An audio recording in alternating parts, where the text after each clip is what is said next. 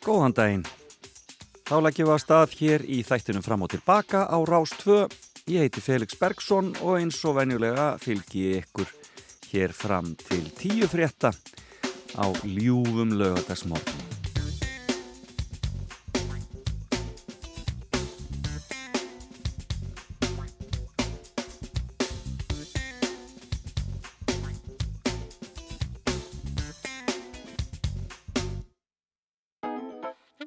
Það verða margir sem að koma við sögu í þessum þætti í dag. Já, kannski aðalega vegna þess að við ætlum að kíkja á það sem gerist á deginum og þetta er náttúrulega mjög örlega ríkur og dramatísku dagur, 11. september og í dag er þetta 20 ár liðin frá árósunum hræðilegu á Tvíburaturnana í New York og e, e, og það sem að eftir fyldi við þekkjum það alls sömul. Og nú eru, voru við lóksins við vestrannar þjóðir að koma okkur frá Afganistan og þar verðist já, lítill árangur hann ást en við vonum að það sé nú samt eitthvað sem að um, eigi eftir að eigi eftir að uh, koma í ljós að sé kannski skára en maður heldur en uh, þetta er þetta er, þetta er búin mjög dramatísk 20 ár. Og uh, en það er ímislega annan sem gerast á þessum degi og svo eru líka Amarisbörn og ég ætla að ringja eitt þeirra hérna síðar í þættinu en gestur minn í fimmun í dag er kona sem hefur komið í pólitík en fyrst og fremst leikúsmaður ég hafa komið líka við í útvarpi og í fjölmiðlum mjög mikið gegnum tíðina. Það er Kormún Haldósdóttir og hún ætlar að koma hér og vera með skemmtilega fimmu sem að tengist eh, leikúsunum held í öruglega en það kemur í ljós hér á eftir. Laka til að fá kollu í heimsókn. Alltaf líf og fjör í kringum hana og hún eh, berst mikið í ymsum eh, barátum málum fyrir listamenn. Eh, var eh, fósetti bandalsístra listamanna á tímabili eh, og hefur verið mikið í kjara barátu og öðru slíku á þeim vettfangi ásamt því að leikstýra auðvitað og stjórna stórum viðbörðum um, en uh, við erum ekkert að tvínuna við þetta. Við skulum bara byrja á lægi dagsins og uh, þar valdi ég lag sem að uh, já, allt ín er komið upp í hugan það er lag frá 1986 um, þetta er söngvar að, að austan. Bjarni Tryggvason heitir hann og skaust fram á uh, sjónasviðið þarna 1986 með uh, lag sem að um, já bara sló hreinlega í gegn. Það voru félagarnir og grafík sem voru að, að spila með honum uh, í þessu lagi og það fekk heilmikla spilun og svona já skautur hann að stað. Og þetta er lag sem heitir Kjaftakerling. Ekki gaman að rífa þetta upp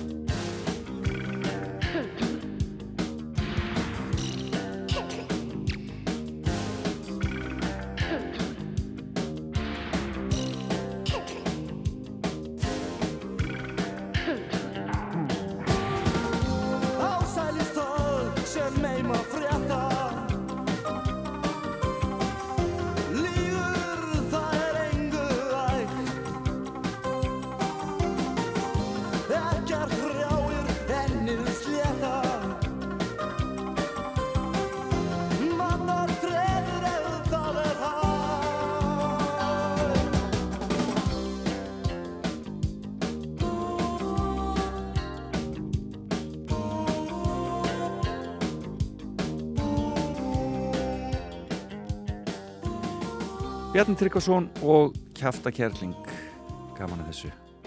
Eh, en Bjarni hefur dvalið undanfæra nár í Danmörku. Býr þar núna. Hefur farið víða en hann er auðvitað nórfinningur um, uh, það fyrir að líða því að Kolbjörn Haldurstóttir setist hjá mér en við skulum þá heyra eitt gæða pop áður en það gerist.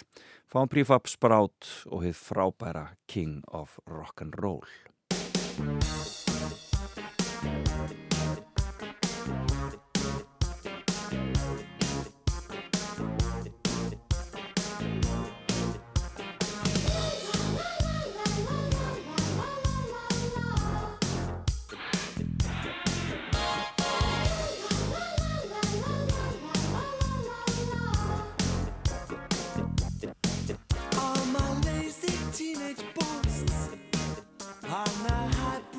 illusion ghosts, and they're coming round the track to haunt me.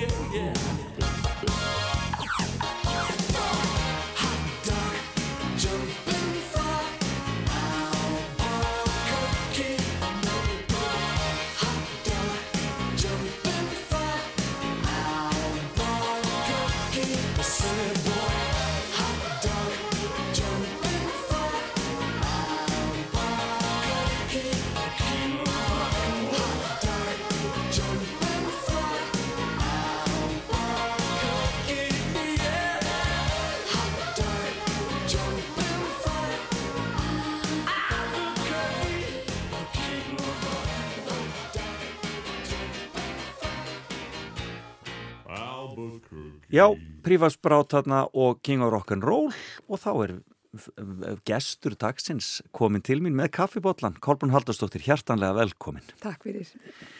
Og um, það er fimm mann sem er undir að, að þessu sinni, en ég verða svona í byrjun þetta lag, hérna King of Rock'n'Roll og Sprout, þetta voru náttúrulega, þeir, þeir voru Þeir voru heitir hérna í gamla daga? Heldur betur, hún var nú mikið spilaður ástvið þess, skal ég segja. Já, það ekki? Jú, ha.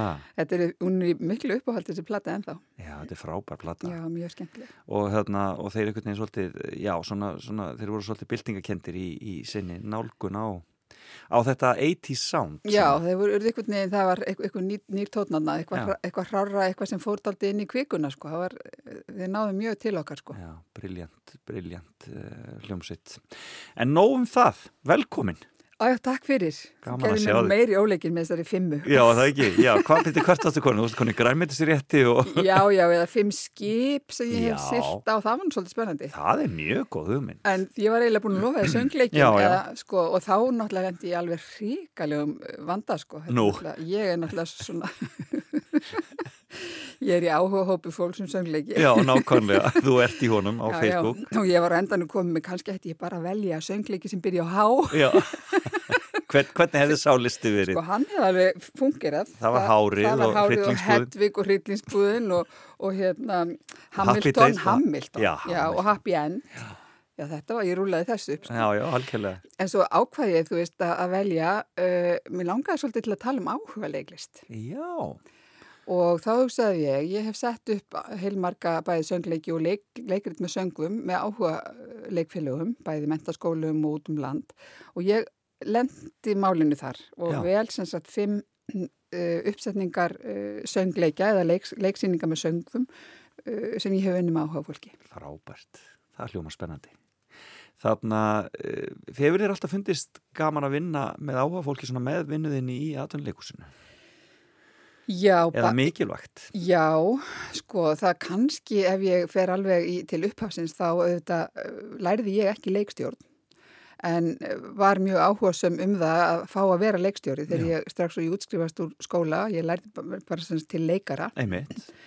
og uh, mjög fljótlega fór ég að, og bara strax fór ég að vinna með áhuga leikfélónum og fann svolítið þar fjölina mína í leikstjórninni Já, og þar náttúrulega fekk ég líka ótal tækifæri til að setja upp stóra söngleiki. Ég meina fyrsta síningi sem ég setti upp sem var söngleikur er 1983 í M MR og það er Oklahoma. Já, akkurat. Það sem Ríkar Ört Pálsson var með sko, var hljómsutastjóri að það er sé að útsetti alla tónlistina úr þessum stóra söngleik fyrir 24 manna symfóni hljómsveit sem all, allt voru krakkar úr, úr, úr MR. Já, mann eftir þess að þetta var alveg ótrútt. Var þetta ekki gert inn í tónabæ? Já, þetta var í tónabæ og þetta var náttúrulega þvílík eldskýrn að komast í svona síningar. Já, og uh, fá að taka á því strax nýkomin út úr skóla að vinna sem leikstjóri með ungu áhugasömu fólki rosalega hæfileikaríku. Uh, í raun og veru vilaði ekkert fyrir sér, þú gast í raun og veru lá, láti hvað sem er í hendunar á þeim og þau bara trúðu því að þau gát, gætu það Já. og svo bara gerðu þau það. Nákvæmlega. Þannig þetta var sko ótrúleg reynsla og svo kom bara fleiri svona á eftir. Ja. Þannig þetta var eiginlega mín svona eldskýrn og, og minn skóli sem leikstjóri og þess vegna fannst mér bara endanum daldi fallit að mér að velja áhuga leiksýningar. Já, nákvæmlega. Og við skulum bara byrja á þeirri fyrstu. Hver er svo fyrsta sem þú vilt nefna? Já, sko, þetta, náttúrulega fyrir utan Oklahoma, ég, ég skildi hann eftir, Já. en svona eina af þessum stóru sem ég gerði líka snemma á ferlinum var Superstar. Já og hana vann ég með leikfélaginu í Freyvangi eh, sem var hérna, hér, þá hétt það leikfélag Ungulstaðarreps Já, hói, hói Möngu búið að leggja Ungulstaðarrep niður. Já. Já, svona þegar maður er nefndur. Þetta er alveg ráðilega Erum við komið þangað Erum við komið þangað En, semst, en þið, þið gerðu sérstaklega, þið gerðu nýja þýðingu á verkinu. Já, það var nefnilega svo merkilegt og það er svo gaman, finnst mér, að, að hérna, segja frá því að áhuga leikfélagin e, hafa verið og eru svo mikill máttastólpi menningar út um land Já, og hafa kannski ekki allveg notið sannmælis. En þarna vorum við sagt, með alveg einvala lið mm. og það var hann, hérna, Hannes Blandon, sér að Hannes Blandon sem var þarna prímusmótor í leikfélaginu mm. og hann bara tók það að sér að þýða verkið frá A til Ö upp og nýtt. Það og, er nú engin smá vinna. Nei, og ég meina, hann er náttúrulega algjör snillingur, hann er náttúrulega svona rýmari af Guðsnáð Já, og gerði þetta svo vel að þessi þýðing var síðan notuð áfram í atvinnuleikusi þegar að, að þetta var næst sett upp. En hún hétt hjá ykkur Messias Manssonur, mann ég, Já, að það ekki, og það var náttúrulega svolítið presturinn. sem vildi það. Já, Já, en ég minna eftir á hyggja finnst mér það líka svolítið djart og gott. Já, já. Jesus Christ Superstar var í raun og veru yfirtitillin en, en, en rock-óperan Messias Manssonur af því hann, Hannes var náttúrulega líka og er svo mikill íslensku maður og það var eh, svo fall, þetta er svo fallið þýðing og það er svo gaman að hafa þátt í að, að hún var gerð. Og hvernig var þessi síning síðan? Þetta var nú alveg ótrúlega hlægileg, skal ég segja þér. Eh, Það var verið þetta hlægileg útgáðan en Jesus Christ Superstar. Nei, þetta var mjög alvarlegt sko. Og sko við komum þannig ég og Jón Ólásson uh, að hausti til og en síningin átti ekki að fara upp fyrir nú vorið Mm og við fórum bara og, og leituðum upp í fólk þetta er auðvitað gríðarlega mannmörg síning Nákvæmlega. og við fórum þarna og, og, og stunduðum karaoke í barina og, reyndum að finna ung fólk sem gætt sungið Já, það var bara svo leiðis. Já, já, og við fundum, eins og ég segi, gátum manna síninguna með mjög hæfileikaríku fólki. Já. Uh, mér nægi bara að nefna, uh, sko, uh, svo sem söng Marju Magdalenu, var hún Hulda, hérna, Garðarsdóttir, Huldabjörg Garðarsdóttir, sem er nú bara eina af okkar betri óperusöngkonum í dag. Uh, Sigurður Ingimarsson, sem leik Júdas, hann er nú búin að vera að syngja alla tíð síðan. Uh, Kristján, hérna, uh, Ingimarsson, sem er sko frægur leikari út um allan heimorðin, hann, hann? hann var einn af einmitt. hann var Símon og minna, þetta kveikti bara bakterínu hjá honum. Nákvæmlega. og ég er enn að hitta fólk sem segir við mig sko, bara um daginn hitti ég mann sem sagði já, við kolla höfum nú verið saman lengi. Það er nú henn að kenna ég er í þessum geira skapandi geira. Já. og, og þetta var svo maður sem vinnur mikið í kvikmyndageranum og hann sagði ég byrjaði bara sem maður með spjót í Superstar. Við Eyjafjörð Hjá leikfélagi öngustadar. Já, en svo, svo fer fólk svona, þetta er plattform fyrir fólk inn í þennan geira, skapandi greinar, listur og skapandi greinar. Nákvæmlega. Það er skemmtilegt. Já, ég man eftir þessu síningu. Er, Þetta það var sem var svo fyndið ég segja þegar við byrjuðum. Já. Ég sagði við hérna þá sem ég valdi síninguna að þeir mætti hvorki skerða hársittni skegg alla meturinn. Og svo var náttúrulega á Akureyri var fyrir að sjá þess að villimenn öðru hvoru út um hist og hér í bænum. Nákvæmlega. Og þá voru það villimennir sem ætlaði að fyrir að leika í Súbestar hjá Kolbrúnu inn í Eyjafjörða, inn í, í hérna Eyjafjörðasveit. Já. Við fyrir einhvern segur. Hversin sem ég lít á þig er skilið þig fæ Að þú skildir geta kastað öllu á klæ Þú var svo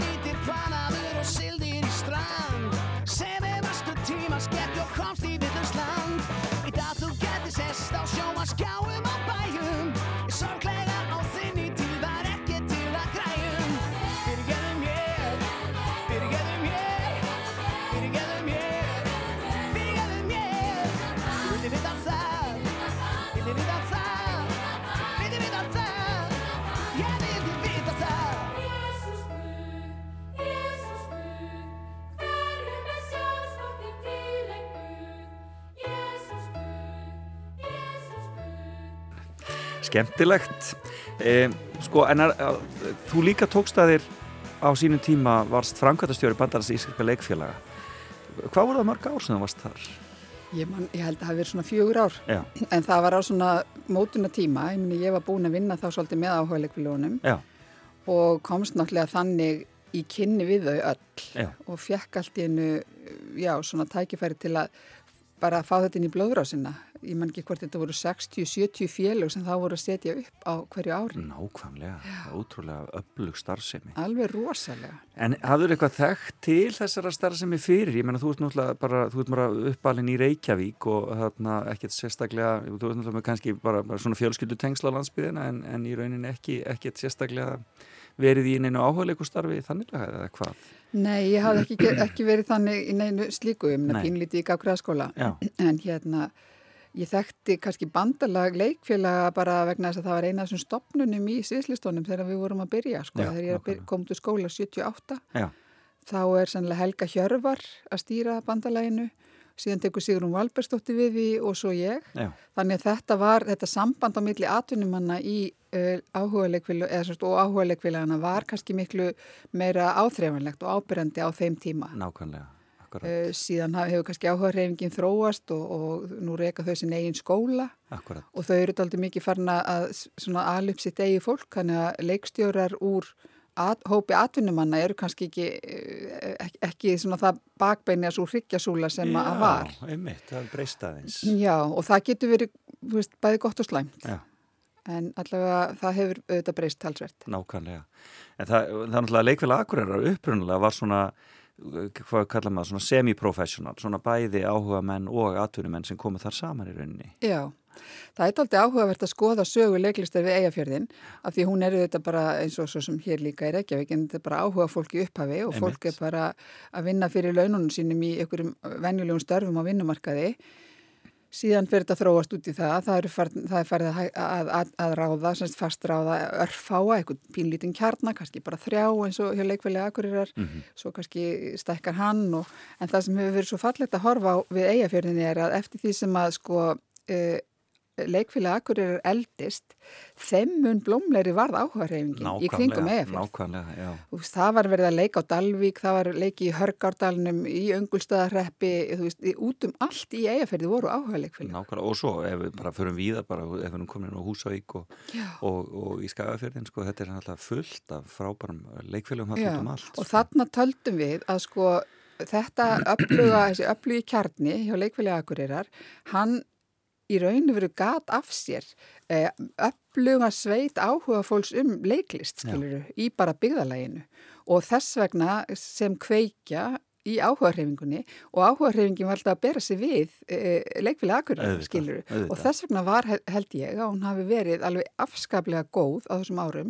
Það hafi verið faglegur metnaður hjá áhuga leikfélagunum sem kom til vegna þess að flaggskipið, leikfélaga Akureyrar, veist, eh, já, bar þennan kindil og, og, var samanburðurinn þeirra. Nákvæmlega, áhugavert. Segir mikið um það mikilvægi menningar uh, og, og, og, svona, og menningar á, á atvinnustígi. En e, næsta síning sem að þú gerði með áhugamönnum, sem að þið langar til að nefna. Já, uh, ég fenn ekki í réttri tíma Nei, nei, en ég ætla að skreppa til Ísafjörðar núna. Já, Sko, þar er nefnilega annað verk sem ég setti upp sem er Jungle Book já, og það var ekki Disney-söngleikurinn, heldur var það brestleikrit sem var þýtt af kennara, framhaldsskóla kennara á Ísafjörði, Guðjón Ólafsinni. sem hefur nú aldeilis verið öflugur Já, í þýðingunum. já, já, já, og einn af þessum máttastólpum. Uh, nú ljóðaþýðingarna gerði Þórarinn Eldjá já, og þarna var frumsamin tónlist og það fannst mér líka alveg ótrúlega merkilegt og, og gaman að vera á Ísafyrði með tónskáld, staðar tónskáldi Jónas Tómasson já. sem kom bara til liðs við litla leiklúpin og samti tónlist í þetta verk. já. Þetta er kipling náttúrulega, eða ekki? Jú, þetta er bara, þetta eru dýrheimar kiplings. Já. Já. Og uh, hvernig var þessi síning? Sko, þetta var alveg ótrúlega skemmtilegt. Uh, þetta var náttúrulega ekki gert af miklum efnum. Nei, Þannig að við erum að vera rosalega hugmyndarík hvernig við útbyggum hérna dýrin, þetta eru, þetta eru dýr meirið að minna sem leika þessi hlutverk. og þetta er náttúrulega löngu fyrir Lion King og það æmyndir allt E- saman, enginn komið með svoleiðis Elskan mín. stæla í gang. Nei, nei, nei, nei, nei. Þannig að við vorum þarna að vinna bæði mjög fysiska vinnu Já, og svona útlitslega mjög skemmtilega hluti. Uh, ef ég man rétt, sko nú á ég til dæmis ekki einu svona myndir úr þessari síningu, að þá held ég að við höfum verið með sko híennutna voru með strá eða svona eins og hálm í hárinu þú veist, við notuðum bara alveg það sem bara alveg ótrúlega skapandi efni við, ég að búa til. Já, gerfin Já. og þarna nöyti ég auðvitað leðsagnar uh, arkitekts sem að, var, er, er heimamaður, hún Elisabeth Gunnarsdóttir, Mhm. gerði leikmynd og búninga já. og það að geta sem, komið sem leikstjóri á, uh, í bæjarfélagi eins og Ísafjörð, það sem er mjög rík uh, leiklistarhefð nákvæmlega. Og fá tónskáld á heimsmælikarða, arkitekt, í, í fullu starfi sem arkitekt Já. uh, og, og þýðanda og borðið Guðjón, skil, þetta var náttúrulega bara algjör lúksus. Og hvað ertu þá lengi yfir þessari síningu til að þannig þessum tíma? Hvað ári er þetta, segir við? Þetta er 93-4. Já, hvað ertu lengi, hvað ertu lengi að vísa fyrir yfir þessu? Þetta var nú ekki, þetta er nú bara venjulegur uppsetningatími, tveir átta mánuðir, vikur. já, Já, já. já, Einmitt. En skemmtilegt. Og, Og þessi síning átti eftir að ganga mjög vel, hún gekk rosalega vel og það voru náttúrulega alls konar hluti sem að liftu þessu. Það er náttúrulega Ísafjörði líka alþjóðlegt samfélag og hefur verið gríðarlega lengi. Einmitt. og þarna var ungu maður sem að, að lék Mowgli uh, Mógli eldri, þar að segja þar hann er svona stálpaður. Já. og Níl Síran uh, Þórisson uh, heitir hann og er sérst, á indveska móður. Já, þannig hann var náttúrulega algjört typecast eins og við segjum. Já, og svo var ég reynda með litla Mógli líka sem var ótrúlega sætur ungur strákur Erlingur Jón, Jónas, Jónsson sem að, leik litla Mógli og já, já, þann, þarna voru mennis og það er nú þjóðkunnur maður sem leik hérna e, hann leik skóarvörð og gott ef hann var ekki ættfæðir fílana, hann Guðmundur Fylkisson einmitt sem, er í hérna- almannavörnum og er að leita er tíndubötnunum Já, akkurat að bjarga börnum í Reykjavík. Þannig að þarna var mjög fínt, fínt, hérna, fínt fólk með mér. Frábær hópur. Eh, Þetta er líka tækifæri, ég meina þegar þú ferð og ert að leikstýra svona, þá ertu náttúrulega á staðnum, eins og segir, í, í þarna, átta vikur og þú ert ekkert að leikstýra alltaf, ég meina fólk er náttúrulega í vinnu á daginn og svona, notar þá þú kynnist þessum samfélögum þegar þú ert? Já, Já. þetta er náttúrulega svolítið eins og að vera í listamannaresidensi Já, þannig náttúrulega að maður nýtir líka tíman í Í að þá undirbúa næstu verkefni. Akkurat, já, þannig að þetta, er, þetta hefur fyrir mig hefur þetta ve- verið eins og svona svolítið time out það sem maður hefur þá tækifæri til að já, að slaka svolítið á og, fara inn í svona sköpunarferli sem að maður hefur ekki tækifæri til þegar maður er að stúsast í sinu hversdagslega nákvæmlega áhugavert. Á þessum tíma bjó ég líka í alveg dásamlu húsi í Faktorshúsinu gamla í Hæstakaufstaf sem er eitt elsta húsið í Ísafjörðabæ Já, og það var nú ekki búið að gera það upp eins, og eins flott og það er orðið núna en þetta var svona eldgamalt hús með sál sem mér þótti svo ótrúlega gátt að, og gaman að bú í. en gaman. Þriðja sýning. Já, Við erum búið með, með Superstar og við erum búið með uh, dýr heima. Já, og nú erum við komin sko, við- flakka eins og ég segja aðeins fram í tíminn, frá svipuðu tímabili, þetta er 91, Já, þá set ég upp uh, sýninguna uh, Rocky Horror með leikfélagi MH já. Og það er náttúrulega, svo ég sletti, svona legendary Já, sýning. algjörlega sýning sem er ennþá verið að tala um. Já, já, og er ennþá greinilega verið að sína myndbúta því við komum í þáttunars hemma Gunnmann ég Akkurat. og ég sá bara síðast í klassíkin okkar fyrir nokkru sko, Já. það var verið að sína smá klipp úr Myndbútu því. því, akkurat, akkurat. Með Páli Óskari þarna alveg á útofnu. Það er fjöldi fólk sem kom að þeirri sýningu sem átti síðan eftir að láta til sín taka í íslensku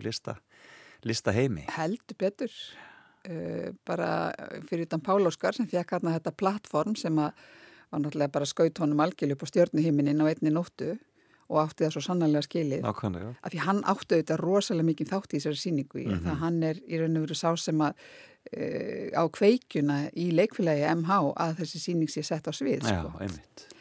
uh, já en þarna má nefna fleiri og mér kemur nú bara í hug nýráðin framkvæmdastjóri Íslenska dansflokksins Já, það var verið að ráða nýjan hérna framkvæmdastjóri uh, í, í, í já, og það er hann uh, Skúli Malmqvist. Já, einmitt. sem að, já, var þarna og da, það er svona eitt, ég nefni nafniðast á manni eftir sko dansatri og síningunni talandum fræga líka sem, sem voru í þessari síningu, að þá var hann Rólfur uh, hérna söngvari, uh, stór söngvari sem við eigum, Já, einn af þessum sem er að syngja í óperuhúsum í útlöndum hann var að dansa með uh, honum hérna Skúla Malmqvist duett og það eru sennilega svona, sko, ég veit ekki hvort það er svona 70 cm á hæf og ég leta náttúrulega báði korsilett og, og hermannaklossa Nákvæmlega. já, já, þannig þetta var mjög skapandi síning það Björg voru, Egilsdóttir var hérna náttúrulega.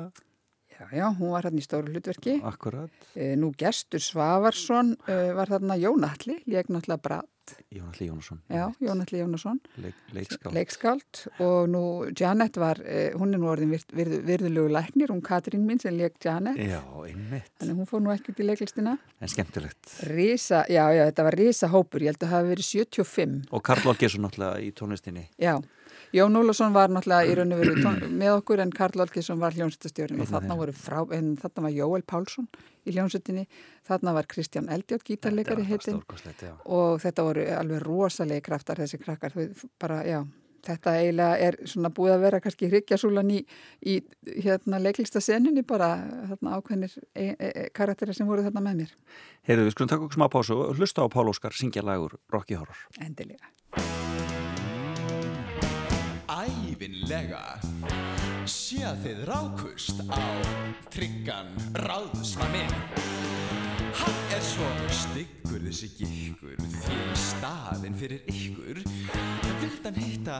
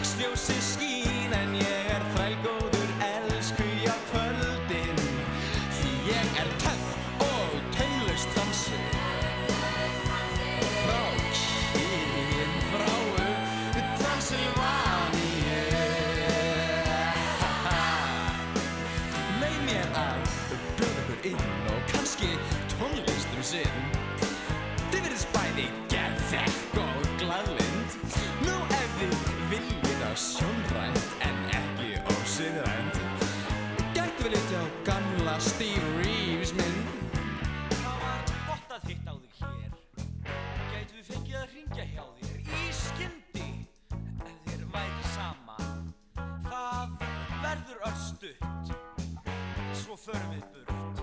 Við viljum síst verða til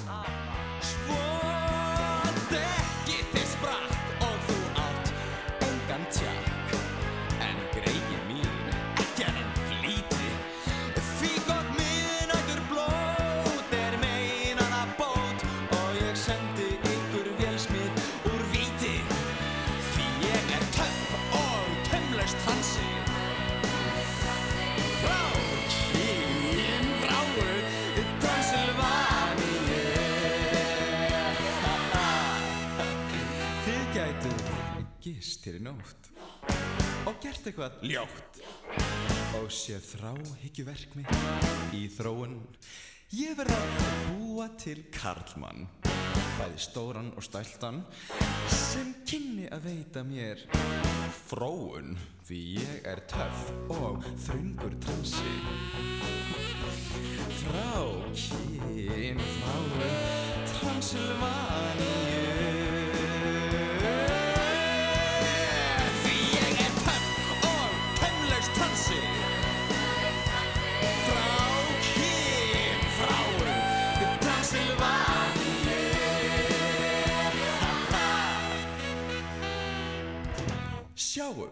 hvað tilrauna stofan. Geymir hér fyrir ofan. Þennan tillökkunar titring ég þekki. Nema rigning og rók sé of þungbært og þá afnem ég okið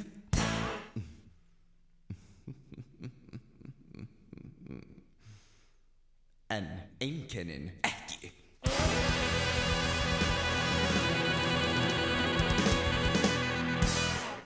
Páll Óskar Hjámtísson þarna á útdopnu að syngja um taumlusan transa úr Rocky Horror frá 91 Já, e, sem að Korbun Halldórsdóttir settu upp með mennskólanum Hamralíð og þetta og Kolla er að fara hér með mér í gegnum fimmuna sína sem eru fimm söngleikir hjá áhuga leikfélugum sem er mjög gaman. Það, það er alltaf sko ef við hefðum átt að fara í gegnum söngleikina en alla þá er þetta náttúrulega alveg ótrúlegur ótrúlegur katalókur orðin bæði í atvinnuleikusi framhaldsskólum og áhuga leikfélugum já, já, þetta er ansi, þetta er ansi drjúkt. það er ansið drjúkt, það er fljótt að það sapnast þegar saman kemur eins og Já, maður já. sagði Og ég átti náttúrulega, þess að ég sagði, mjög erfitt með að velja. Ég veist, hafandi sett upp fyrirlarinn á þakinu eða, eða, og þess vegna kardimómubæin eða skilabóðaskjóðun að segja Já. til, ég að við höfum, En hvers vegna kolla dettur inn í leikhúsið upprunnilega? Það var svo sem ekki leikhús í fjölskyldunni mikið eða hvað? nei, alls ekki. Ég var náttúrulega, ég var svo sem alveg nýfið að fara í leikhús. Já. Mamma hafði mjög gaman að fara í leikhús með mig, þannig ég á alveg minningar sem barn, sko, að sjá æfindir á göngu fyrir inn og, og svo barnasýningarnar allar. En hérna, ég var pínulítið í, sko, ykkur leiklistastúsi í Gagfræðaskóla Ok, En svo lagði ég það alveg á hilluna, eh, fór í Vestló og var ekki í, í leikfélaginu þar. Eh, Svo bara einhvern veginn bröst þetta út. Eh, Ég er svona 18 ára þegar að það bara brýst út þessi áhugi og Já. þá er engin leiklistaskóli í Reykjavík og, og það var búið að leggja niður bæði þjóðlíkuskólan og leikfélagskólan. Eh, Leikfélag, nei, hérna sem Sál var stopnað Einmitt. og sá skóli var að verða til og ég var í einhverjum kvinniska við fólk þaðan en svo gerist sko það sem allir því að ég sló til var að leikhúsin ákvaðu að stopna skóla. Já. og þau auglistu námskeið, þryggja mánaða námskeið í leiklist. Og ég bara skuttlaði mér þangað uh, og var þarna í mjög góðum hópi fólks sem að uh, var mjög náinn hópur sko í, í þessu námskeiði, ég held að við vorum náttúrulega mjög mörg á því, ég held að við vorum 60 saman eða ég veit ekki hvað sko. Mhm. og voru tveir hópar eða eitthvað skipt sko. En svo endaði þetta námskeið með inntökuprófi inn í þennan leiklistskóla leikusana og ég bara eitthvað neginn slampaðist inn, þar inn og Já, akkurat og þar með var bara framtíðin ráðir já, En varstu þá komin í vinnfengi við mikið af þessu fólki sem var í kringum sál og í kringum uh, þessa, þessa skóla? já, þetta var nú frekar þröngur hópur sko þannig að og svo kom sál, svo lendum við öll saman í einum skóla, ríkiskólanum sem er sem stopnaði þegar ég er að hefja mitt annað ár í námi Akkurat. og sá skóli var stopnaði með fjórum bekkjum þremu bekkjum úr sálskólanum og þessum eina bekk úr Akkurat, já. Og það er náttúrulega gríðalega öflugur hópur. já, já, Og þetta þinn bekkur hefur haldið heil mikið saman. Þið farið í ferðalög og reyndar kikið til Ameríku svona við og við þegar er ekki COVID og svo leiðis. Já, sko, jú, minn bekku var hann mjög skrítinn, sko, uh, hann, það, það svona, tvist, hann tvistræðist aldrei mikið á tímanum. Við byrjuðum 12 saman, 6 og 6, svona 6 stelpur og 6 strákar. En Svo við, hurfu strákarnir svona í rólihittunum. já, sko, við enduðum 7 stelpur og 1 strákur. en það er löngsaga. Já, akkurat, það er saga fyrir sérstakann þátt. Já, Akkurat, það kom margir við sögu, það er Gísli Rúnar og, og, og, Já, og já, já. Ímsir, sem, og Andri Sigurvinsson og fleiri. já, já. Þetta er skemmtilegt. En uh, það, er kom, það eru söngleikindi, Þú- við erum búið með það er búið við erum búið með Rocky Horror, við erum búið með uh, Jungle Book og uh, Jesus Christ Superstar. Mhm. Hver er sá fjóruði? Sko, það er popleikurinn Óli. Já, sem að er nú merkileg síning, skal segja þér, og merkilegt verk að mörguleiti. Er nú kannski svona aðeins á jarðinum að kalla það söngleik, en þó, uh, sko, upphaflega þegar poplíkurinn Óli er samin og síndur, þá er þetta svona. Já. Þetta er einhver spunaverk sem Stefán Baldursson, þá ja, tiltölulega nýkomin inn á þetta svið, atvinnusvið hér á, hér á landi á, eins og dæfilega skaldi sagði að hann sem stýri þessari vinnu á sínum tíma uh, með ungu fólki uh, nýjútskrifuð úr þessum leiklistaskólum sem við höfum þá og þau setja þetta upp í tjarnabíjói og óðmenn gera tónlistina Já, og þetta var náttúrulega sko, þetta var eiginlega okkar íslenska, þú veist, uh, svona söngleikja sprengja, okkar súperstar eða okkar hár eða okkar, þú veist Já, en hvað hva hétta líka? Það var hérna þessi hérna, Who söngleikurinn sem, að, hérna, sem Pimple Wizard er í og það allt saman. Tommy, já, er þetta ekki svolítið í- í áttina að honum svona? Uh, jú, Svona hugmyndin, skilur, já. ég, ég held að sko, ég held að hugmyndin sé bara bræðingur úr svo mörgu Umfjöllunum unglinga Já. neginn, já. og þau fóru bara í að spinna senur þau fóru svolítið í að kveik eh, Steppi kemur náttúrulega til Íslands með svona uh, bakgrunn í Já. að, að spinna og Já. búa til leiksýningu upp úr því sem leikhópurinn hefur fram að færa og hann notar bara þá aðferð þarna og þetta sló rækili í gegn og var náttúrulega alveg, alveg ótrúlegt hitt. Og músikin náttúrulega var spiluð hér alveg út í eitt og En þú ferð síðan að stað með, með eiginlega börnunum. já, svo gerist það. Ég fengið til að koma inn í leikvila MH Já. og þar er á fleti fyrir Unnrösp Stefansdóttir og Þórunar. já, já, og hún kemur náttúrulega með þessa hugmynd. Og hún er náttúrulega orðin leikstýri núna, er leikstýri þjóðlukursinu og guður hvar, sko. Þannig að hún kemur með þessa hugmynd og þau eh, hennar, hennar svona hópur að skoða popleikin Óla Já. og hún náttúrulega er í þeirri aðstöð hún getur reynt handritinu frá pappa sínu til upp í hillu.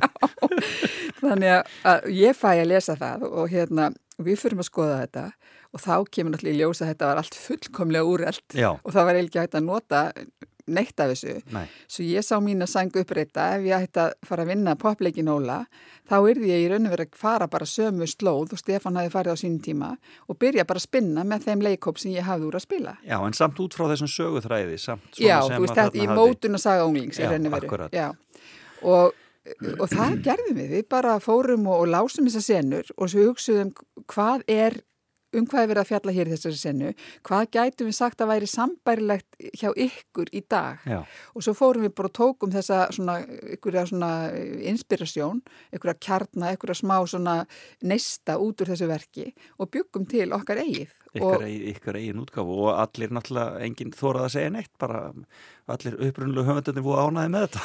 Já, minna, þú veist, við vorum þetta með leifi frá, Já, já, já, frá hérna steppa og þeim að gera þetta, þeim fannst þetta öllum náttúrulega ótrúlega skemmtilegt við skildum ríða á Nákvæmlega. og endur nýja kynnin. Og við notum náttúrulega tónlistina eh, úr gamla, það er sé að óðmanna tónlistina mm og uh, en algjörlega sko eins og ég segi senurnar voru bara okkar og það var náttúrulega rosalega mikið verk að búa til og skrifa senurnar, það er eitt er að spinna og, og vera að sprúðland út á gólfi en, en annað er síðan að konstruera og gera úr því Nákvæmlega, leiksenur nákvæmlega. og láta það síðan líma, líma það síðan saman með tónlist sem var þetta gömul og átti kannski ekki beint svona lífrænt samband við uh, akkurat innihaldið í þeim senum sem við vorum að vinna. Nákvæmlega. En þetta var enn einn eldskýrnin En líka fyrir mig sem skemmtilega. og, og ég menn og þarna kemur enn á ný hópur fólks sem að síðan dettur inn í atvinnuleikhúsið eins og unnurösp og fleiri. Já, já, ég meina þarna eru sko stjórnin í leikfélaginu, þarna var unnrösp, eiginmaðurinn að núna, Björn Tórs, þau byrjuðu nú að vera saman þarna á þessum tíma. Já, já,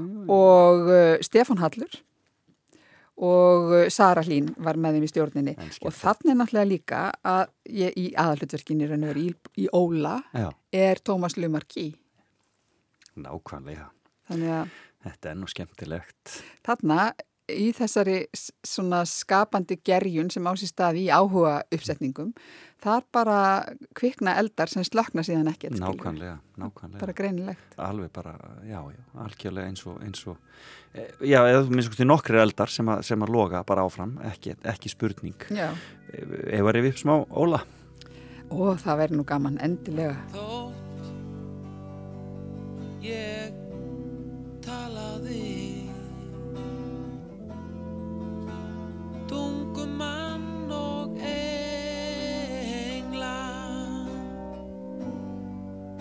En hefði ekki kærleika. Yrði ég hljómandi málmur eða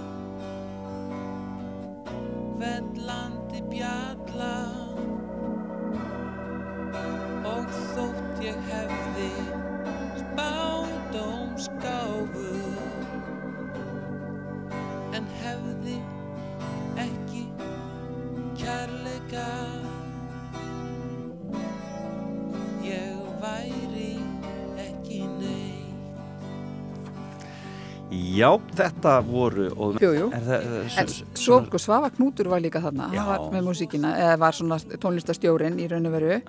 Uh, hann samdi líka auka, aukalög, einhver aukalög og lokalagið var samið af honum og það var sko lagið Jésu elskar ekki minni hlutahópa.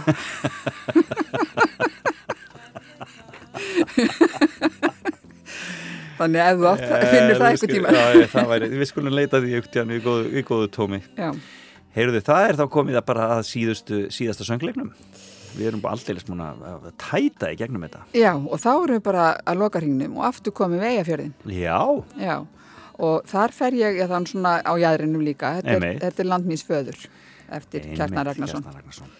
Og þetta er náttúrulega verk sem að, uh, já, er svona, svolítið svona, samt, já, svona saga sem að, það sem að þarf að fara djúpt inn í perjótu og inn í sögu þjóðarinnar í raun og veru. Og það er ekki auðvelt með áhuga fólk að fara í alvöru persónusköpun og vera með alvöru sögu og raun sanna sögu og segja hana þannig að sannfærandi verði fyrir alla aldurshópa. En þarna var ég á leik, hjá leikfélaginu á Dalvík með náttúrulega alveg ótrúlega vana áhuga leikara Já. sem að hafðu ímsa fjöruna sopið Já. í listgreininni. Akkurat í Já. gegnum tíðina Já.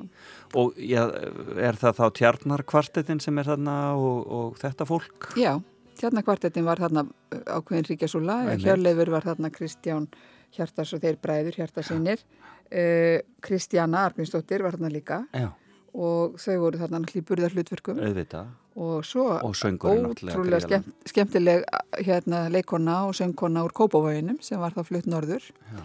Hún Marja Gunnarsdóttir og þarna eins og ég segi fekk ég uh, svolítið svona, hvað heitir það, blúð på tannin með að fara í svona í leikrit sem byggja á raunverulegri sögu, sko. Mér veist að það var, þarna kvi- kviknaði einhvern veginn sá áhugi. Eftir að þetta, þessi sýning var sett upp þá var ég komin í djöbla eiguna og farin að vinna síðan fiðlan á þakinu. Já, Þú veist, þannig að þetta, þetta verk eiginlega ítti mér svolítið þangað. og síðar í kabarett Já.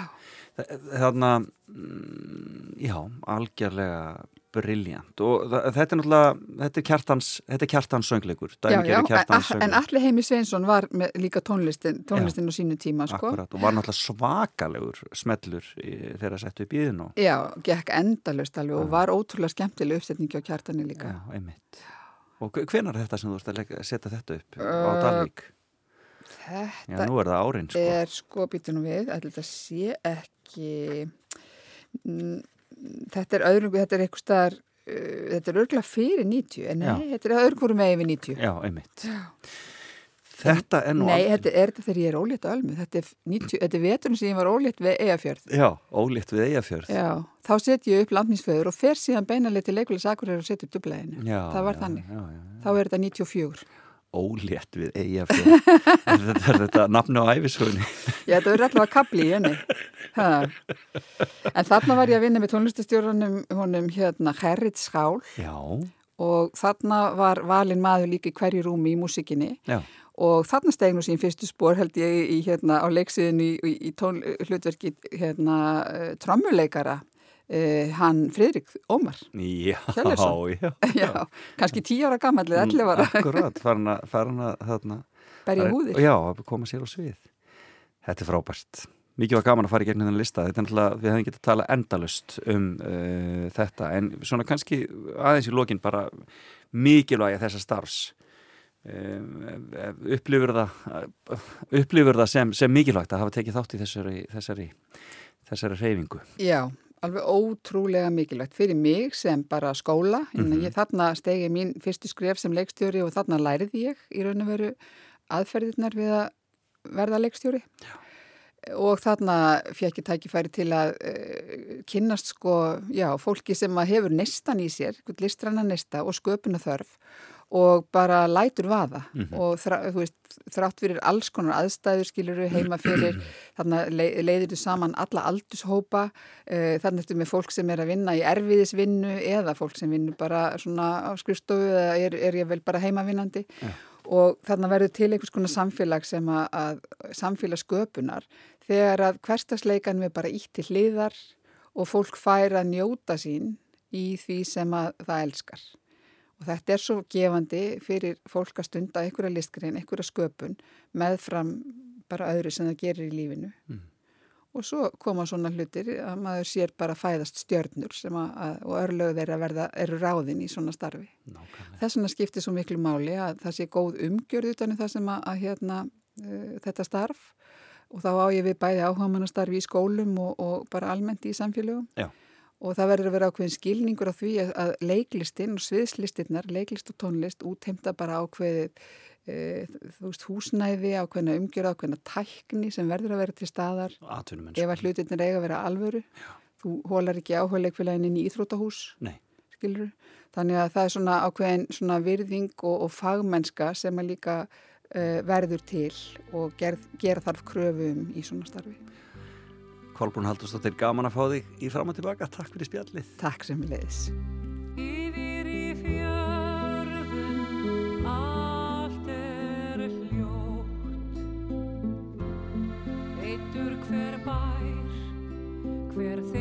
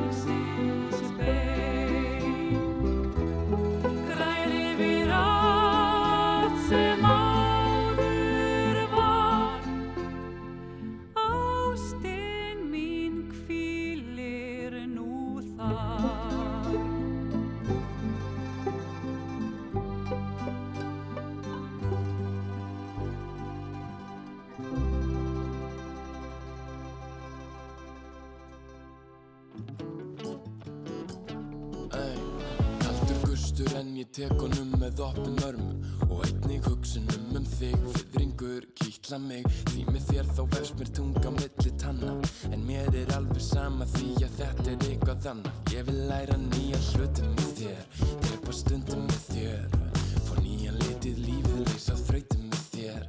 Æ, leggjum niður bremsuna Sækjum aftur berskuna Rifjum upp dagana og skrifum sína sögum Kynum tíma, tíma þarf ekki að eiga sér stað.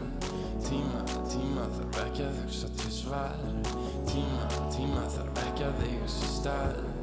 Tíma, tíma þarf ekki að hugsa til svar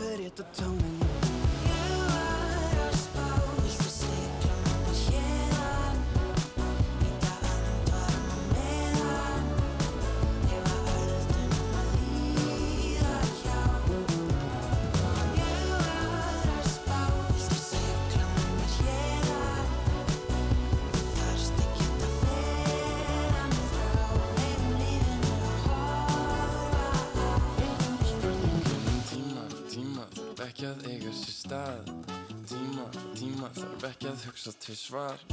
Tíma, tíma þarf ekki að eiga sér stað. Tíma, tíma þarf ekki að hugsa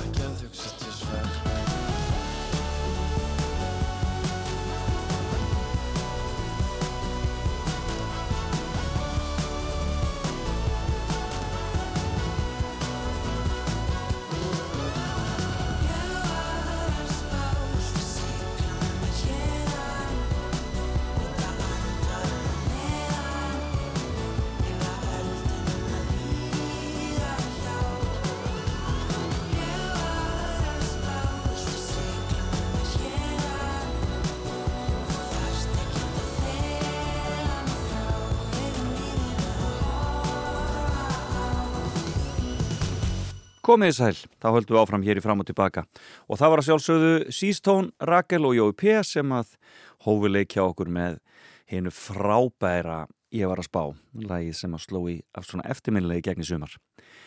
Já, uh, rólega þetta dagur hér hjá okkur á Rás 2, höfum það hugulegt hér á lögadagsmotni. Kolbún Haldurstóttir farin á dyr, alltaf dásamlegt að heyra í henni og fimmann hennar, hún mun detta inn á netið fyrir en varir. Fimm söngleikir, ásand tóndæmum, alltaf svo gaman að uh, hitta kollu.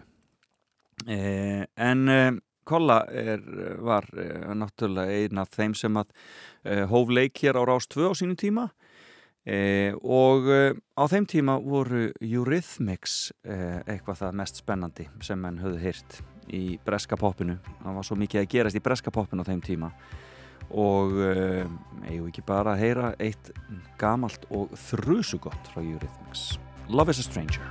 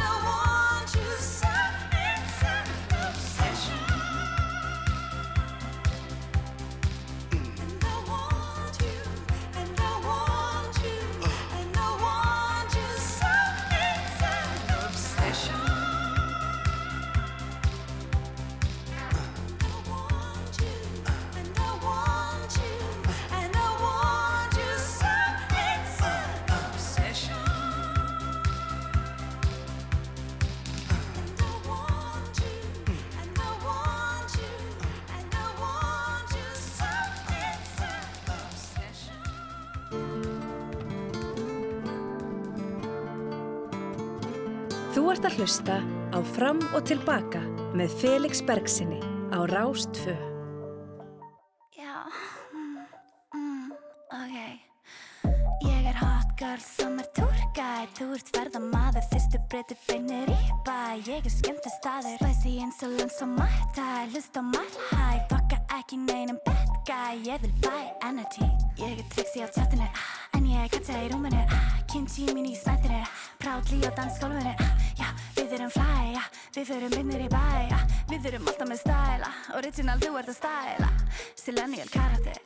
Í frí viltu fara með. Ég er svo alvarleg að balta þetta að kasta mig. Svo menningarlega ég hætti að vera ríkisreikin Ef ég kvota þig bitch, ertu bibliotekin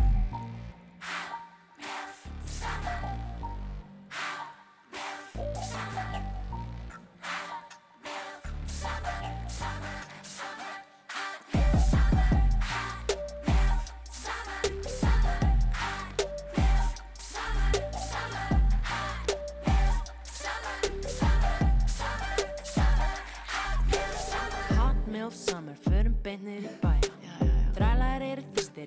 þekki þess að gæja. Hann er ekki Vissi að hann myndi bjóða mér drikk Pissa á mig ef hann lætur mig hlæja. Ég er með stór brjóst, viltu mjólk, ég er með nóg. Þetta flow, flow, niður á skó, ég bara wow Inn á kló, kló, snjófló, ég er svo mjó Ég gerum don't know. Hún er milf, hún er hó. I set the bar high for the milfs out there. I'm your ex-stepmom, just divorced your dad I keep his ass on red, he eats my ass like bread. You best believe he's fed You call it arrogance, I call it confidence. Baby, you stole a glance, I stole your inheritance. He got a D bigger than me. On my OnlyFans You're in the south of me, I'm in the south of France.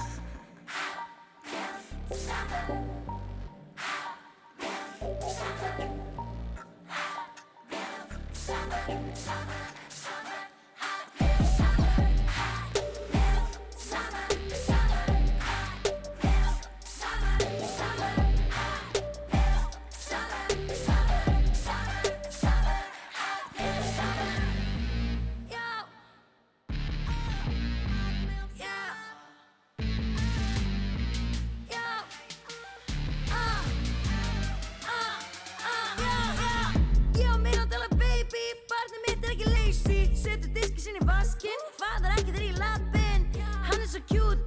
svo hann lítur vel út.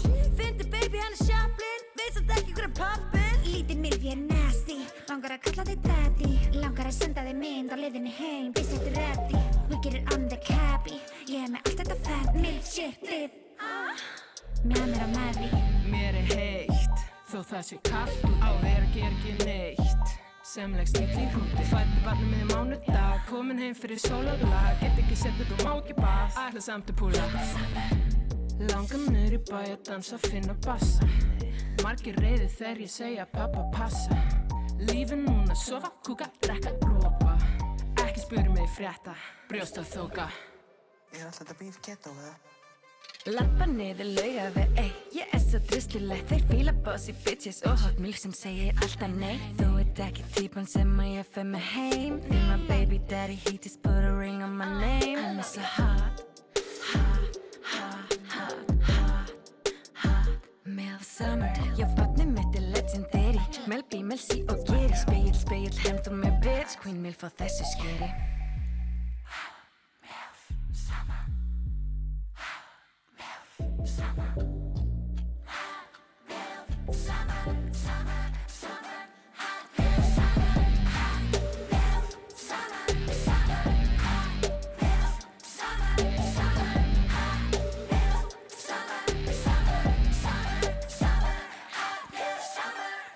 Þetta voru Reykjavíkudætur sem tóku þarna við af Eurythmics. E, stelpunnar eru að gera þetta sjálfar eins og einhver söng einhver tíman. Sisturnar gera þetta fyrir sjálfa sig. En e, e, þetta er Hot Milf Summer, lagið þeirra. Og e, það fyrir að líða því að við kíkjum aðeins á hvað gerðist á þessum degi, þessum dramatíska degi, 11. september. Og eigum ekki að byrja á því að heyra bara lag sem að var í öðru sæti á uh, ameríska Billboard listanum á þessum degi, 11. september 2001 Segir kannski meira mörg orð. Þetta er Alicia Keys og lag sem heitir uh, Fallen.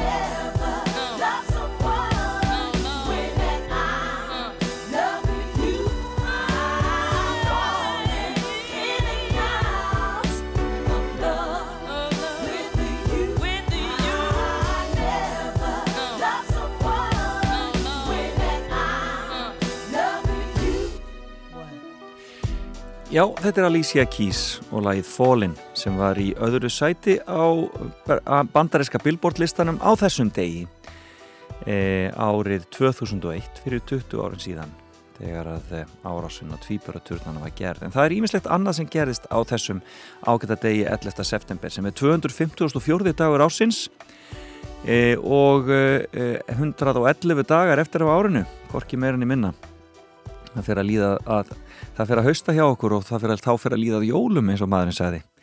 En e, e, það var til dæmis árið 1755 mikill jarðskjálti á Norðurlandi með skriðufullum og sprungumyndunum og hús fjallu á Húsavík og Tjörnesi og tveir bátar fórust í flóðbylgju frá skjáltanum. Þetta var 1755. Svona getur nú landið okkar leikið okkur. E, og e, árið 1821 e, þá var hræðilegur atbyrður í Trípoli í Greiklandi þegar grískir uppreisnamenn stráfældu allra Tyrki og Gýðinga í bænum Trípoli uh, hræðilegt. Hoppum rúm 100 ár fram í tíman förum til 1953 en þá tók fjóruða ríkistjón Ólafs Tórs við völdum og satt í þrjú ár og 1963 var sjóferðafélag Akureyra stopnað. Síldarleitarskipið Árni Fredriksson kom til landsins, það var 1967 og þegar maður heyrði nú oft um Árna Fredriksson í fréttum eh, sem var stöðugt að, eh, og, já, var stöð, eh, búin að vera stöðugt í fréttum eiginlega síðan, síðan 67 en eh, skipið er nefnt eftir Árna Fredrikssoni sem að lést 1966 en hann stundaði rannsóknir á síld og þorski við Ísland. Árið 1973 eru dramatískir atbyrðir í Chile þegar að herin undir fórustu Augusto Pinochet herfóringja rændi völdum og um, það þeir segja að, að, að Chile sé ennþá að uh, súpa segðið að þessum atbyrnum þar er ennþá, ennþá uh, barátt að milli þessara hópa þó að það sé komið á líðræði E, e, farþega þóttu frá e, T2A sem hafi verið rænt hafi viðkoma keflauguflugvelli til þess að taka eldsneiti árið 1976 e, dramatist vélinn stóð í tvær klukkustundir á flugvellinum en fór síðan til Parísar þar sem ræningarnir gáðust upp. Og sama dag var fjölbreytaskóli Suðunisja settur í fyrsta skipti. En þetta er nú svona kannski það helsta sem að gerist á þessum degi Þanga til kemur að hriðverkunum 11. september 2001 í eh, New York og Virginíu en 2973 léttu lífið þessum árásum. Jú, og síðan er kannski eitt í viðbót Anna Lind, utaníksrið á þeirra svíþjóðar, lést á sjúgrási daginn eftir að ráðist var á hana hún stungin margsinnis í Vestlunum minnstu. Þetta var árið 2003 og Anna Lind mikill harmdauði, eh, svona framtíðarmanneskja þá í eh, sænskum stjórnmálum og hryllingur að þetta skildi hafa gerst. Svo er það ammælisbörnin, nóga ammælisbörnum 11. september, eh, Ferdinand Marcos, hann fættist á þessum degi, fyrir hundi fósiti Philips segja, Brian De Palma, bandarísku kvikmyndalegstjóri, Frans Beckenbauer, hann fættur 45, þýskur knaspunum maður, Sigurður Gunnarsson, handbóltastjarnar, hann fætast á þessum degi 59 eh, og eh, Bashar al-Assad fórseti sí Sýrlands, hann fætast á þessum degi árið 1965 og síðan heyrum við í einu amælisbatni hér á eftir en önnur amælisböt sem verðt er að minnast á Benedikt Karl Grönda leikari, hann á amæli í dag og Gilvið Þór, Þór Þorstensson sem hefur séð um, um sóttvarnarhúsin okkar eða sótt kvíarhúsin e, og hefur verið mikið í fjölmjölum fyrir Rauðakrossin, hann á amæli líka í dag. En síðan, já, ósku öllum amælisböndum til hafmyggjum um daginn, við skulum enda þetta á einu amælisböndinu sem er Moby og e, hérna er eitt hans allra frægasta, þetta er Porcelain.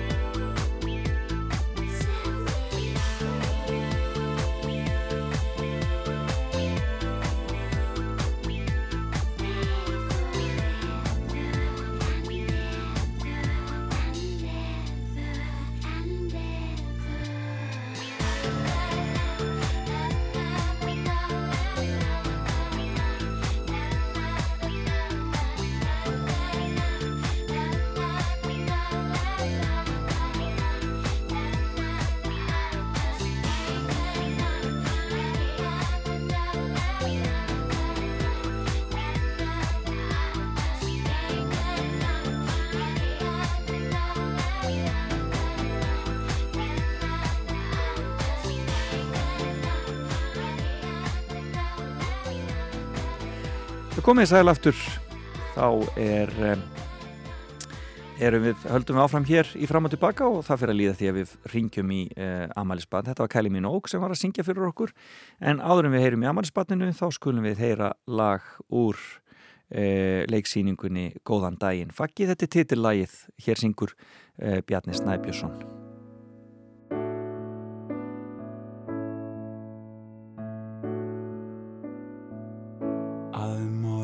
dags í speilin lítur. Hann sýnir sjálfið nú og hér. Þú starir fast augnaráðið brítur Reyndu að sjá það sem heimurinn sér Hætt að vera svona vondur við þig. Vertu með sjálfum þér í liði. Horfi í speilin, nú get ég loksins sagt. Góðan daginn, faggi, góðan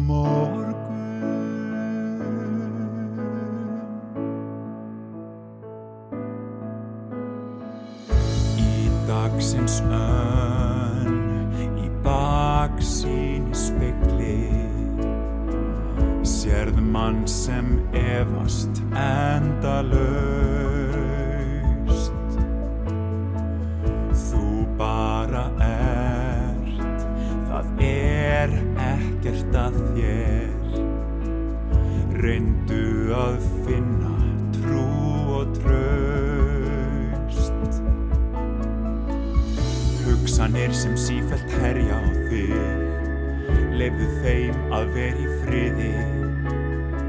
Horfi á sjálfan mig, nú get ég loksins sagt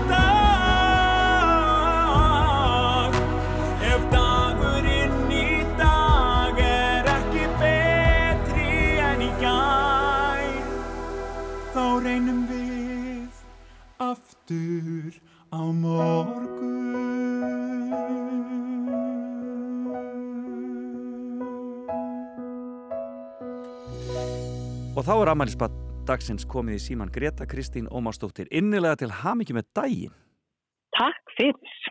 og það er ótt að segja að þetta sé svona einhvers á aldramatískasti amælistagur sem til er það verður ekki að segja Já, Ha. já, mjög, mjög. og, og var kannski ekki svona fyrir en, fyrir en uh, 2001 að það, hann, hann svona datt í það að verða það Eh, Já, ell- 11 ára ammælstæðin, já. já, þannig að þú áttir nokkra svona sem voru bara fyrir eitthvað venjulegir þangað til Já, Heyrðu, en, en, en, en eh, hvernig, en hver, mannst eftir þessum degi 2001?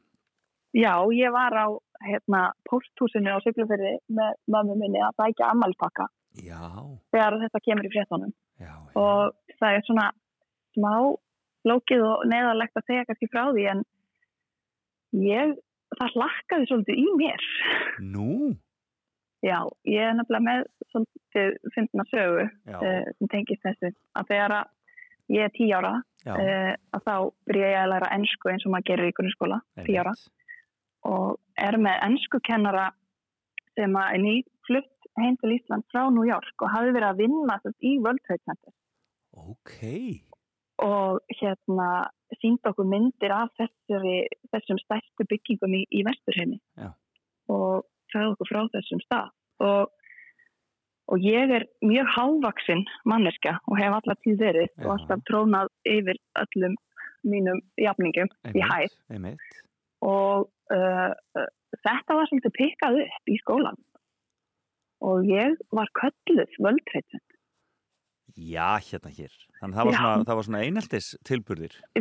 svolítið sko, það er náttúrulega er alltaf svolítið uh, erfitt að vera öðruvísi Einmitt, einmitt. en svo þarna 2001 þegar ég er 11 ára og þá heyri ég að World Trade Center sé hruni og það er svolítið svona súrt að segja frá þessu en veist, þessi 11 ára súrka svona, já, plakkaði svolítið í henni Já, glatti staðið sér þessu. Þar með væri það bara Já. úr sögunni. Já, ég skil það. Það er auðvitað alltaf eitthvað sem maður hefur svona, það er, það er, það er, það er, já- það er bjartar hliðar á öllum hlutum.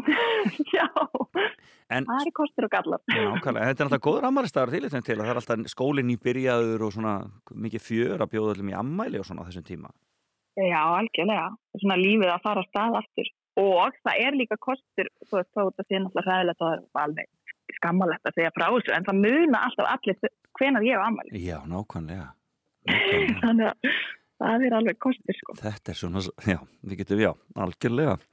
Heyrðum, þetta er leikstjóradagurinn miklu hjá mér. Ég er búin að vera með Kolbrún og Halldórsdóttir hérna hjá mér í morgun og nú ert það þú sem ert að slá í gegn í, í leikstjórninni með nýjustu síningunni eh, góðan daginn faggi en það, ég veit, og við ætlum að ræða hana aðeins hérna eftir, en ég veit að þú veist að, að gera í mislið þannig, þú ert bara hreinlega að reka þarna leikhús, er það ekki rétt hjá mér? Jú, ég er hérna listrætt stjórnandi þjóðleikurskjallarans og við vorum með mitt í gær, 10. september, að opna hansöldi með bravör. Já. Uh, eru með kabarett síningar núna alla nættu föstu daga. Það sem að Magga Mokk og fleiri fengulegir draglistamenn og og stokk og það er ókipis inn Já, og bara algjör skemmtun og þar fær fólk að sjá það sem að verður á, á sviðinu í vetur í kjallaranum og, og við erum með glæsilega nýjan uh, barseðil sem að bar uh, stjórin okkar nýjan Axel Ingi búin að setja saman og Einmitt. bara svakar stuð og stemming og uh, já, svo er ég að leikstýra núna hátegisleikhúsi sem að er líka í þjóðleikurskjallaranum og fyrsta verkið er út að borða með eftir eftir Bjarnar Jónsson og það er frumsýnd núna 15. miðugudagi næsta. já, hérna hér. Þannig að það er nóg að gera, sem sagt. Það er nóg að gera sko. En, en þetta er náttúrulega bara gríðarlega dagskráð í þjóðleikurskjallarnum í allan vetur og þetta er svona, einmitt svona svolítið kabarett kabarett tengt, svona stand-up og, og kabarett og, og, og improv og allt þetta. Já, þetta er þessi svona klassa búla, þetta er náttúrulega svakalega rík saga á þessum stað og svona sjarmi yfir þessu og, og hérna erum við bara að gefa svona byrjandi báða vangi þessum svona jaðar listformum sviðslistana sem að hafa allatíð svona blómstrað í, á pöppum og bakhúsum og, og, Í, í kjöllurum, í kjöllurum. Já, í kjöllurum og svona opna, opna þjóðleikursi fyrir þessum senum sem að hafa aldeilis blómstrað núna síðustu svona 5-10 árin. Þetta er mikið á ungu fólki.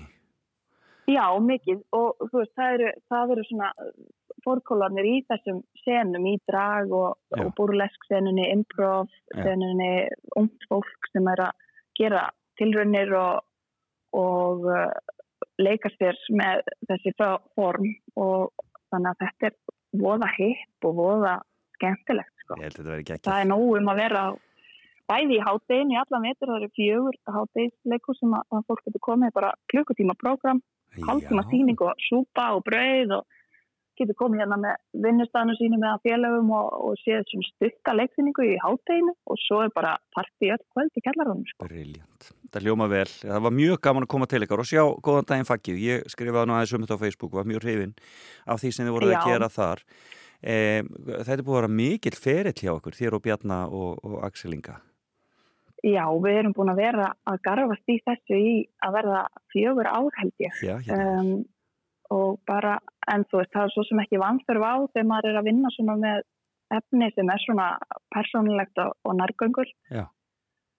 og allavega bara úrvinnsla úr lífi lífi mannsku sko. Já, um, og, og svo bara einhvern veginn aðtökast þetta að, við náum að frumsýna loksins, Einmitt. þannig að er einhvern veginn ekki heldur sjálfgefið núna síðustu átján mánuðina Einmitt. og já, ég held að bara alheimurinn hafi verið svolítið með okkur í liði og, og fólk kannski tilbúið fyrir svona einhvern veginn að samtala á einhverju öðru plani um svona málumni hinsveginn fólks og svona og svona á einhverju svona dýbra dýbra leveli, þú veist, að Já. við tölum um að vera umburðalind og fordómalaus en, en kannski þurfum við að endur skoða hvað það kostar að að þurfa að umbera og vera umborin. Eh, Nákvæmlega. það er kannski ekki alveg, alveg málið sko. Ég veit að mörgum, mörgum hins einn finnst þetta umburalindis hjald aldið innan tómt stundum.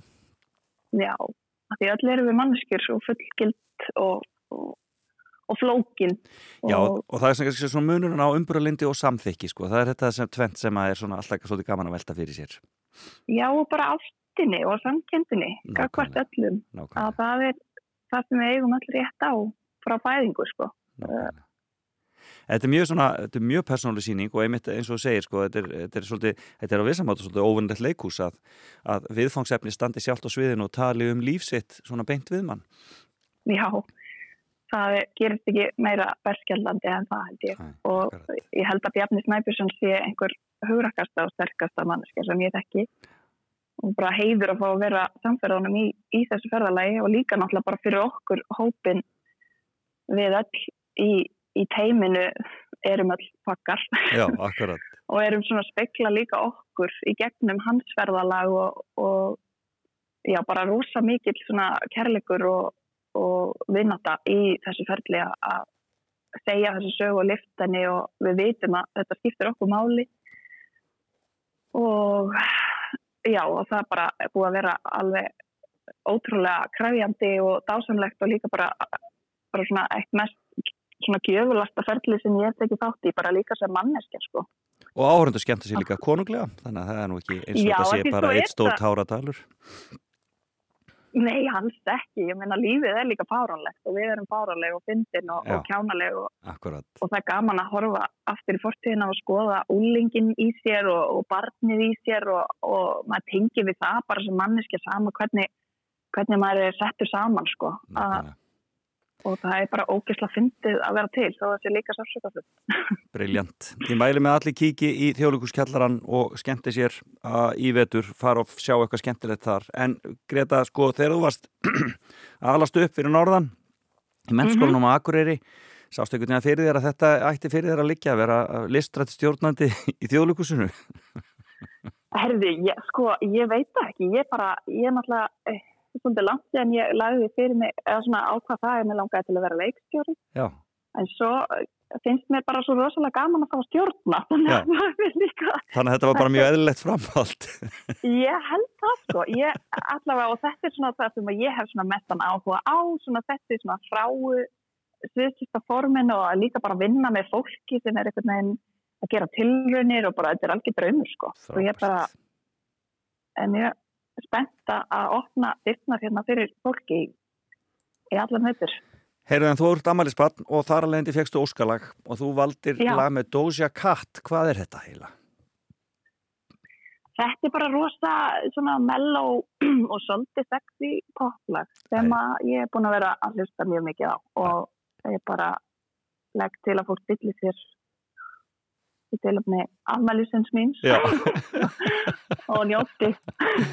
Greta Kristín Ómarsdóði, gaman að heyri þér og aftur til hafmyggjum með daginn. Takk fyrir kærlega.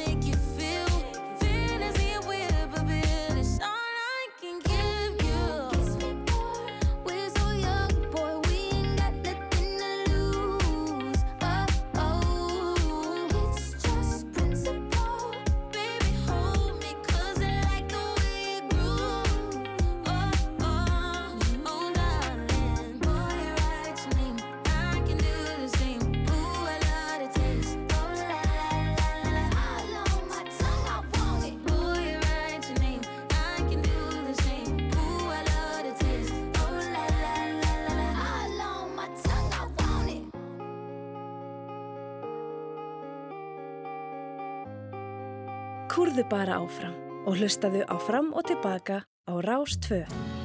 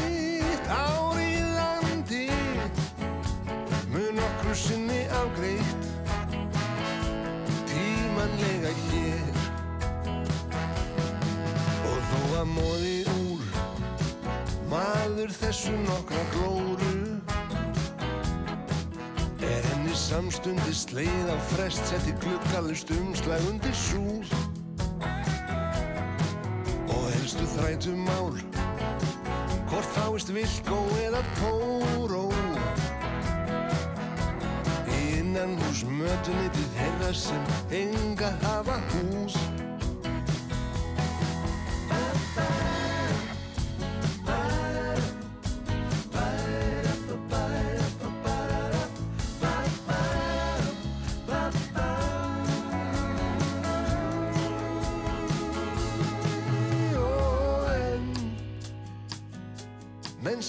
við að þæfa. Þessa ull í algjört hel Vinnur þvalur öllum þér Viti menn Hvort er það köllun eða kæfa? Þá er eitt annað ekki Vist er það vara samur fjandi. Fjandi skýtt að vera átt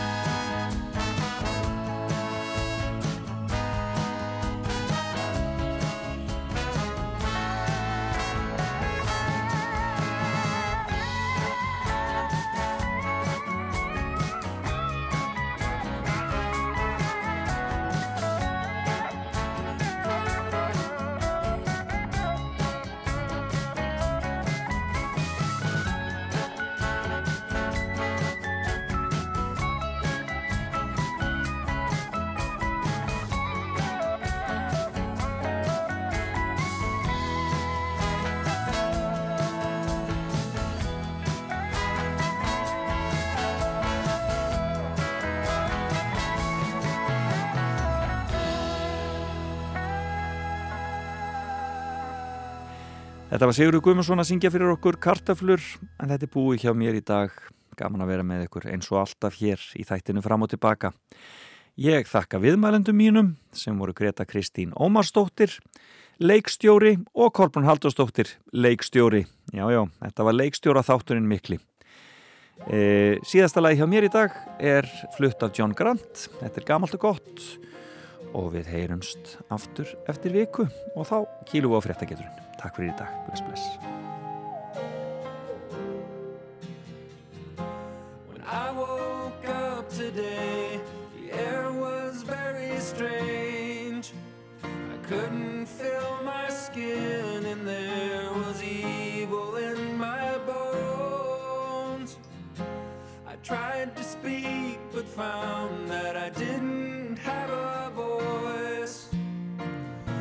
was a prison like the one you would find in the Twilight Zone.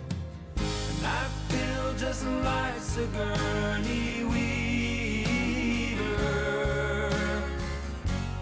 when she had to kill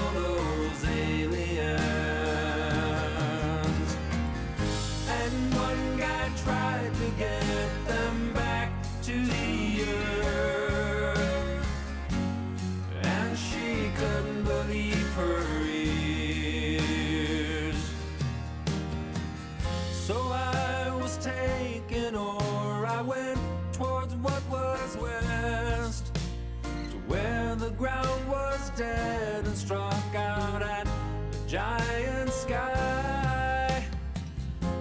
The sky was black and filled with tiny silver holes, and it was there with a frightened voice that I